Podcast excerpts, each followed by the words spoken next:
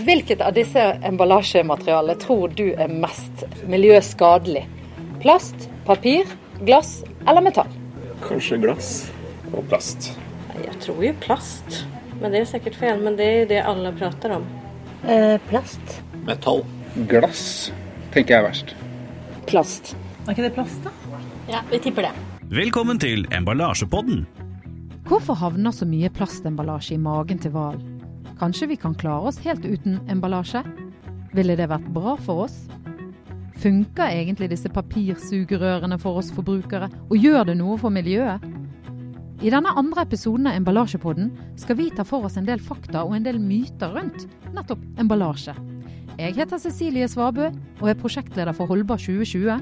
Sammen med meg har jeg Yngve Krokan, som er rektor på Emballasjeskolen, og vi skal ta en prat med Thomas Eie, som er senior emballasjeutvikler fra Barma Industri. Emballasjepodden presenteres av Emballasjeforeningen og Holdbar 2020.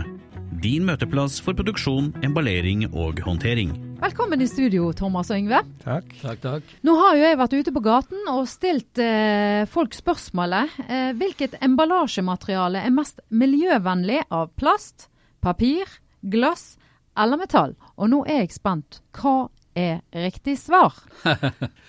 ja, hadde det vært så enkelt, da hadde vi jo bare brukt det beste materialet. Ok. For vi kan ikke rangere materialer opp imot hverandre. Altså Det vi kan rangere er eh, produkt og logistikk, det skal fraktes sånn og sånn, og da blir det et mye mer komplisert uh, regnestykke. Så vi kan faktisk ikke si at f.eks. glass er bedre enn metall, som igjen er bedre enn uh, fiberemballasje, og om plast. Jeg vet jo det fra tidligere sånne undersøkelser at uh, folk flest vil kjapt si at plast kanskje er verstingen, men det blir altså altfor enkelt å si at plast som materiale er et mer miljøversting enn de tre andre materialene. Du må rett og slett se bruken an, da? Ja. Eh, en av emballasjens viktigste oppgaver det er jo også å ta vare på kvaliteten til produktet inni, og eh, sørge for at eh, kvaliteten er så bra at folk vil bruke produktet mm. eh, når det kommer fram. Eh, fordi eh, ødelagt produkt har en mye større miljøbelastning enn litt emballasje. Så jeg vil si at det den emballasjen som beskytter produktet best og gir lengst holdbarhet, det er det beste materialet. Ja, Og for frukt som du eh, håper å si representerer? Frukt og grønt eh, inneholder veldig mye vann, så vi trenger jo da en emballasje som eh, har en god vanndampbarriere, som greier å holde vannet inne i produktet. Og plast har veldig gode egenskaper i så måte. I tillegg så er det jo klart eller gjennomsiktig, så folk kan se hva som er inni emballasjen. Se hvilken kvalitet det er. Og det er veldig lett. Bruker få gram eh, emballasje per kilo produkt, så plast er i mange eh, tilfeller veldig godt egnet. Men vi bruker jo også mye fiberemballasje i frukt og grønt. Vi fikk jo nylig en sånn Worldstar-pris det er liksom emballasjeindustriens uh, Oscar. Uh, for en um, emballasje til, til blåbær, hvor vi Som består for det meste av kartong. Og den er utformet sånn at vi sparer haugevis av lastebillass på vei fra Marokko til mm. Norge. Så bra. og jeg håper å si den eneste frukten som ennå står uten emballasje, er vel banan. En banan kan du jo mm, kjøpe både i plastpose og i, i uten uh, emballasje. Og vi ser at holdbarheten uh, er bedre i bananer pakket i plast. Og den plasten vi bruker er jo da polyetylen, som er veldig lett gjenvinnbar. Ok. Du, det råder veldig mange myter og, og rundt emballasje. da. Eh, hva er kanskje den verste du har hørt, Thomas? Ja, Det var på en uh, messe på Lillestrøm for noen år siden. Det var et uh, debattprogram hvor det var en, uh, en politiker fra et miljøparti, hvis farve jeg ikke skal nevne. Men det er et parti jeg har stor, stor sympati for og stor respekt for. Han hadde fått det for seg at norsk emballasjeindustri var med på å drepe alt liv i havet. Det var jo ganske trist da, at en uh, politiker skal ha sånne oppfatninger. For det, det, er helt feil. Ja, For det er vel ikke akkurat emballasjeprodusentene som dumper plasten i havet? Hvem nei, er det? Nei, det er verken uh, de som produserer emballasjen eller vi som bruker emballasjen som kaster uh, emballasjen i havet. Det er jo tankeløse mennesker. Og Hva er det verste du har vært ute for da, Yngve? Det er ikke det verste, men jeg vet jo at Thomas, du sitter jo her. Og vi hadde jo en sak for uh, det begynner vel å bli tre år siden. Ja, minst. Eh, ja, jeg tror okay, det var tre du vet hva han snakker om, ja, hører jeg? Det er ja, det, det vi på, i bransjen kaller det er purre, purresaken. Purresaken? Purresaken. Okay. Og kort fortalt så er det da en eldre dame et eller annet sted uh, opp rundt Mjøsa eller noe sånt, som er i sin faste dagligvarebutikk en ettermiddag og skal purre. Og så finner hun da ikke den vanlige hele purren sin, hun finner kun liksom deler av Bare den hvite delen. ja, pakket inn i plast. En avkappet purre. Ja, pakket Ja. inn i en plastskål og med film rundt. Og dette syns hun var dumt. Hun blir irritert. Hun går hjem og skal lage middag. Får sin datter på besøk. Datteren syns også dette virker veldig dumt. Og så er det, som vi kjenner til, noe som heter Facebook. Så da skriver de litt på Facebook hva de syns om denne purren, og da om Bama. Og så våkner vi opp dagen etter, og da er det borti 40 000 nordmenn som uh, har reagert og syns at dette her var en forferdelig skandale. Og da skal jeg love deg at da da ble det fart i kontorene nede hos Thomas i Bama også. Jaha. Ja, men hvorfor pakket dere løken da? Purreløken, mener jeg. Eh, Purreløk som pakkes, eller som ikke blir pakket, som selges helt løst, Mm. den er, har jo veldig, er veldig utsatt for, um, for eh, fuktighetstap, slik at den, den, tørker ut. Og I tillegg så er den veldig lang, så den er veldig dårlig tilpasset veiecellen i kassa. Slik at eh, det oppstod et veldig stort eh, veiesvinn når man skulle betale for, um, for løken. Slik at man ønsket da å legge purreløken på et uh, kartongbrett og, og pakke plast rundt for å holde fuktigheten inne. Men, og det fungerte veldig bra på den norske purreløken, men da den store importpurreløken eh, kom, så måtte den eh, kappes av veldig mye av det grønne for å få plass i det kartongtrauet. Er kanskje ikke det mest eh, vellykkede vi har gjort, men eh, utgangspunktet var, var veldig bra. Ja. Men altså, noen spin-off her, da. Dette var starten på et stort eh, prosjekt som vi i dag alle kjenner under navnet Pacman. Og det betyr at uh, dette her eh, initierte at Bama uh, tok kontroll over all emballasjen sin. Eh, For de sa jo det at denne situasjonen vil ikke vi havne i igjen. For de- var usikre på hvorfor har vi gjort det vi har gjort. Og Ja. nå med fasiten i hånd, så i dag så vil vel du si at det dere gjorde var faktisk ikke så dumt. Men det er riktig som du sier at vi, vi våknet veldig opp. Og vi satte i gang og så nøye på hva slags emballasje vi hadde. Og det kom veldig fort opp en idé som gjorde at vi sparte 35 fotballbaner med bølgepapp på bare ett produkt. Bare ved å e gjøre noen små endringer på emballasjen. Hvilken det- dette emballasje var det, da? Det var uh, den uh, esken som uh, brettsalaten pakkes i. Ok. Og, og vi har jo spart eh, 35-40 fotballbaner med bølgepapp hvert eneste år siden, så det blir eh, Kan jo nesten legge på bølgepapp på alle landets fotballbaner, vil jeg tro, uten at jeg har regnet på det. Så dette kom altså ut av purreløken? Ja. Det er jo, det er jo en sann solskinnshistorie. ja Det må jeg si. Ja da. Emballasjepodden presenteres av Emballasjeforeningen og Holdbar 2020. Din møteplass for produksjon, emballering og håndtering. Ut ifra ditt ståsted, kan du gi noen gode eller dårlige eksempler på eh, emballasjeløsninger i dag? Jeg Det tenkte jeg på i går, faktisk. Hadde sånne, sånne små sherrytomater. De kommer alltid i sånn der masse fancy plastikkbeger, sånn hard plast. Og det er jo bare tull. Dårlig emballasje er eh, makrell i tomatboksen og eh, lyspære pakket inn i hard plast. For de er nesten umulig å få opp. En god emballasje er gulosten, for den har en liten flik som du kan dra av og bruke hele tiden. Det å pakke inn eh, bananer i plast er jo helt idiotisk. Den har jo emballasje fra naturens side. Gode uh, gulost, dårlig ferskost. Ja, jeg liker jævlig dårlig sånn eh, pressforma, harde plastemballasjer som jeg må bruke verktøy for å få åpna, som saks eller kniv eller tang. Men en ting som jeg syns er bra, det er jo sånn som tannkremtuber. De kom jo i pappemballasje før. Nå er jo de emballert i seg selv.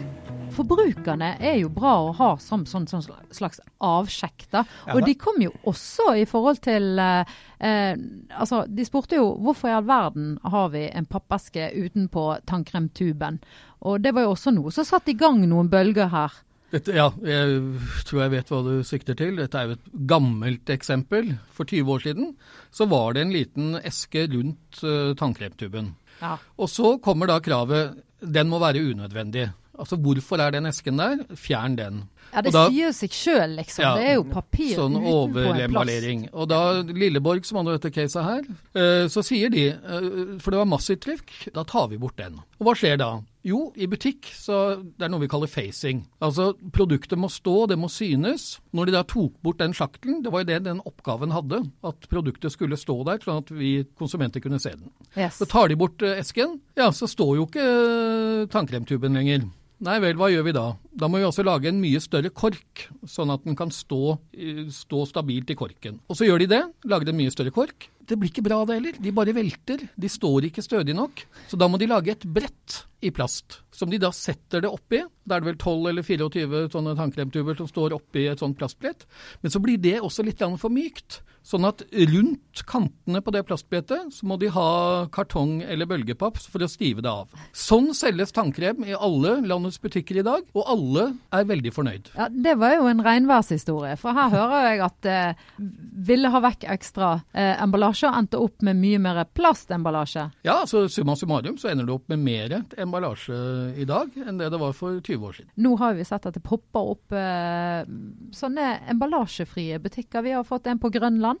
Er ikke det positivt da, at man kan eh, gå der sjøl og plukke varene og ta de med seg i medbrakt emballasje? Det krever jo at man er veldig disiplinert da, og har med seg, husker på å ha med seg den emballasjen. Og jeg Mm. tror eh, det egner seg best til tørre produkter.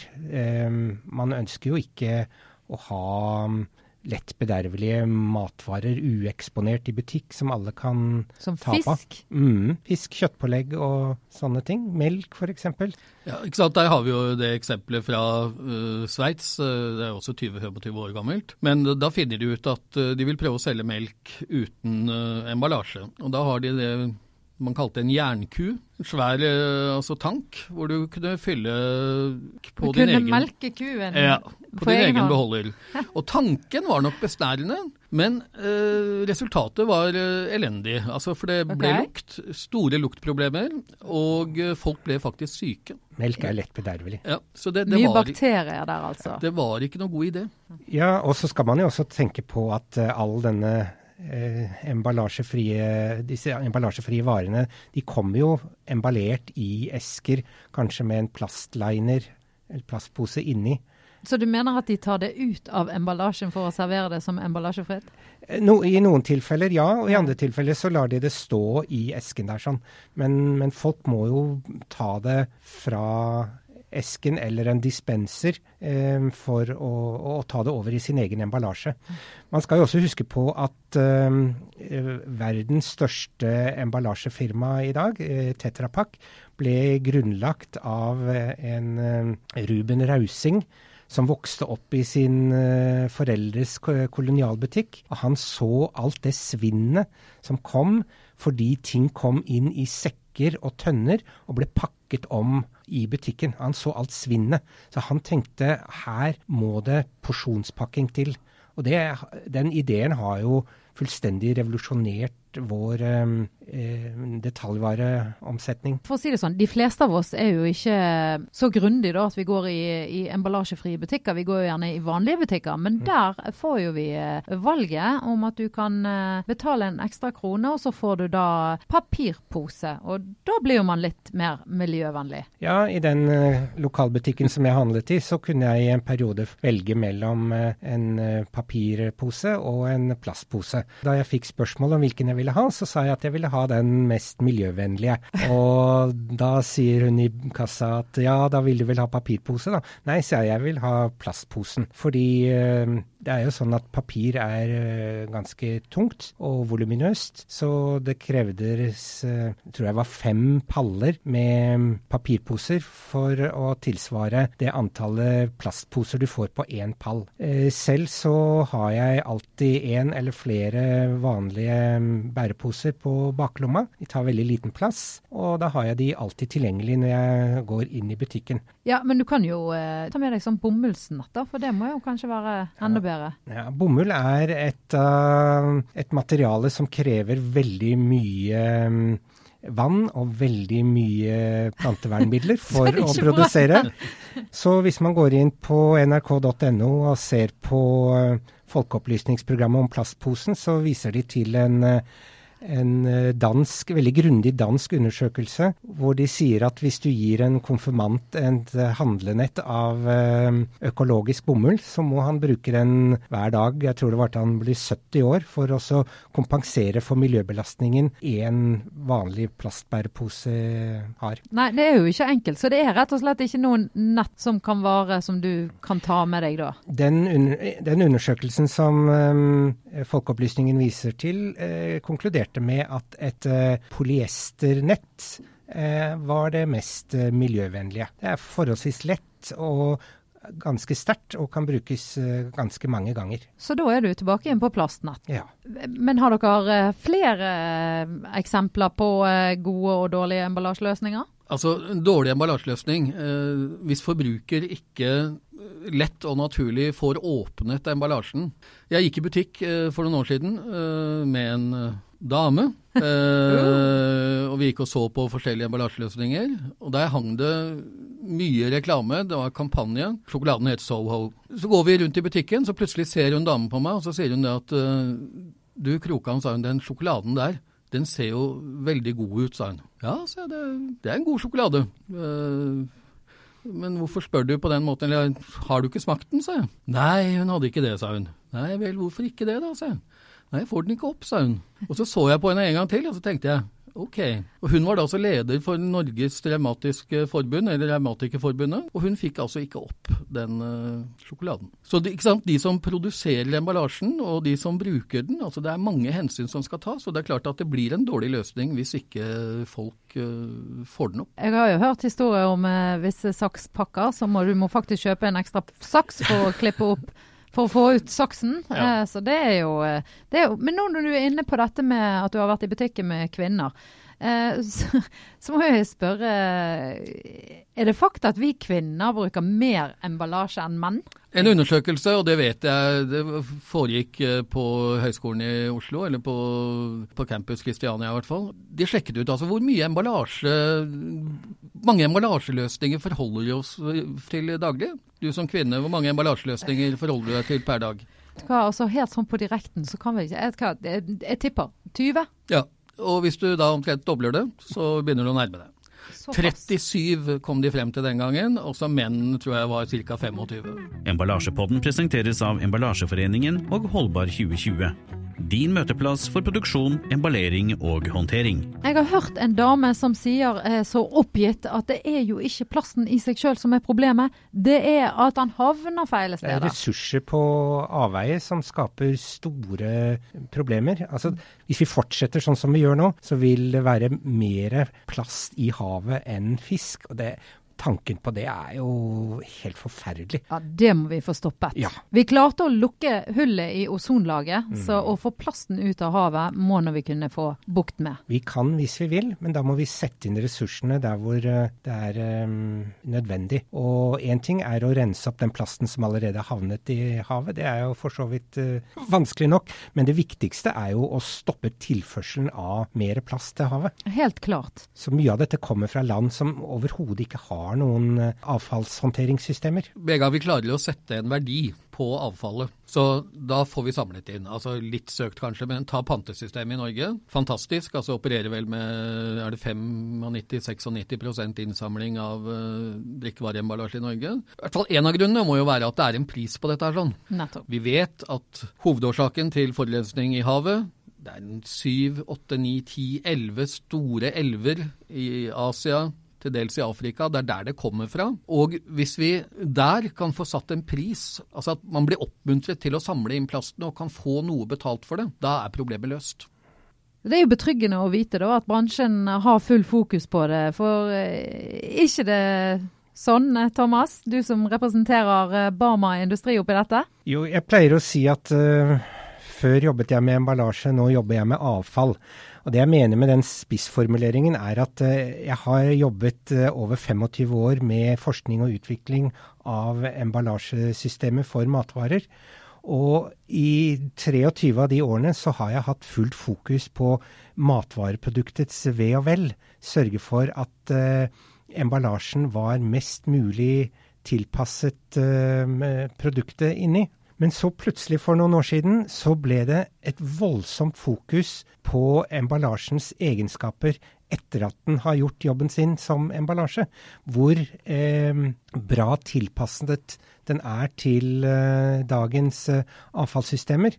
Slik at eh, ressursene kan gå i sirkulasjon, og bruke de om igjen og om igjen. Det, det er en veldig god tankegang. Så du fikk eh, et helt nytt felt å forholde deg til? Ja, og det kom jo i tillegg. Eh, Ja. til det gamle. For vi Ja. har fremdeles veldig fokus på matvarenes ve og vel inni emballasjen. Ja, det hersker en del myter og fakta rundt emballasje som vi kanskje ikke kjente helt til, og som vi nå er faktisk blitt litt mer klokere på. Det som er godt å vite, er at bransjen er på. Og hva de har tenkt å gjøre, og hvordan de jobber med dette, det er det vi skal høre litt mer om i neste episode av Emballasjepodden. Du har lyttet til Emballasjepodden. For mer informasjon, sjekk emballasjeforeningen.no eller holdbarmessen.no.